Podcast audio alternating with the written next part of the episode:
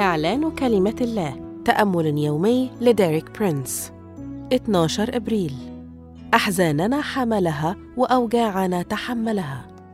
هذا الأسبوع يشرح لنا ديريك برينس أن يسوع المسيح حمل أحزاننا وتحمل أوجاعنا وبحبره شفينا.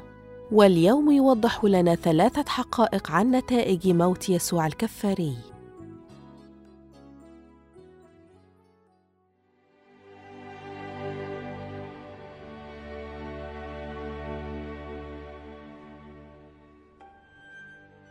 يقول في إشعياء 53 العدد أربعة وخمسة لكن أحزاننا حملها وأوجعنا تحملها ونحن حسبناه مصابا مضروبا من الله ومذلولا وهو مجروح لأجل معاصينا مسحوق لأجل آثامنا تأديب سلامنا عليه وبحبره شفينا. ترجمة هذه الآيات باللغة الإنجليزية لا تعد حرفية تماما. لذلك فهي تحرم ملايين المؤمنين من المتحدثين باللغة الإنجليزية من حقوقهم الكاملة في الشفاء. ومع ذلك فالمعنى صحيح.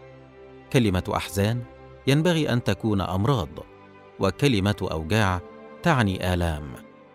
واستخدمتا بهذا المعنى في أيام موسى النبي كما وردت بوضوح في إنجيل متى الإصحاح الثامن العدد السادس عشر والسابع عشر حيث يقول فأخرج أي يسوع الأرواح بكلمة وجميع المرضى شفاهم لكي يتم ما قيل بإشعياء النبي القائل هو أخذ أسقامنا وحمل أمراضنا يخبرنا الرسول بطرس في رسالته الأولى اثنين العدد أربعة وعشرين قائلا الذي حمل هو نفسه خطايانا في جسده على الخشبة لكي نموت عن الخطايا فنحيا للبر الذي بجلدته شفيتم.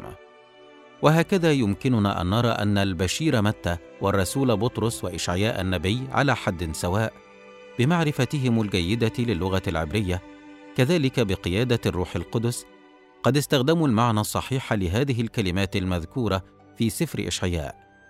فإذا جمعت هذه الفقرات من إنجيل متى ورسالة بطرس الأولى بجانب بعضها تجد ثلاثة حقائق مقتبسة من سفر إشعياء 53 العدد أربعة وخمسة تعلن نتائج موت يسوع في كل من الواقع الروحي والواقع الجسدي. ففي الواقع الجسدي يسوع هو حمل أمراضنا وتحمل آلامنا والنتيجة هي أننا بحبره شفينا. وفي الواقع الروحي مجروح لأجل معاصينا مسحوق لأجل آثامنا تأديب سلامنا عليه. أشكرك يا رب من أجل عملك على الصليب. أؤمن أن يسوع حمل في نفسه أمراضي وأوجاعي وقد شفاني وأن يسوع جرح لأنال الشفاء. آمين. للمزيد من الكتب والعظات لديريك برينس قم بزيارة موقعنا www.dpmarabic.com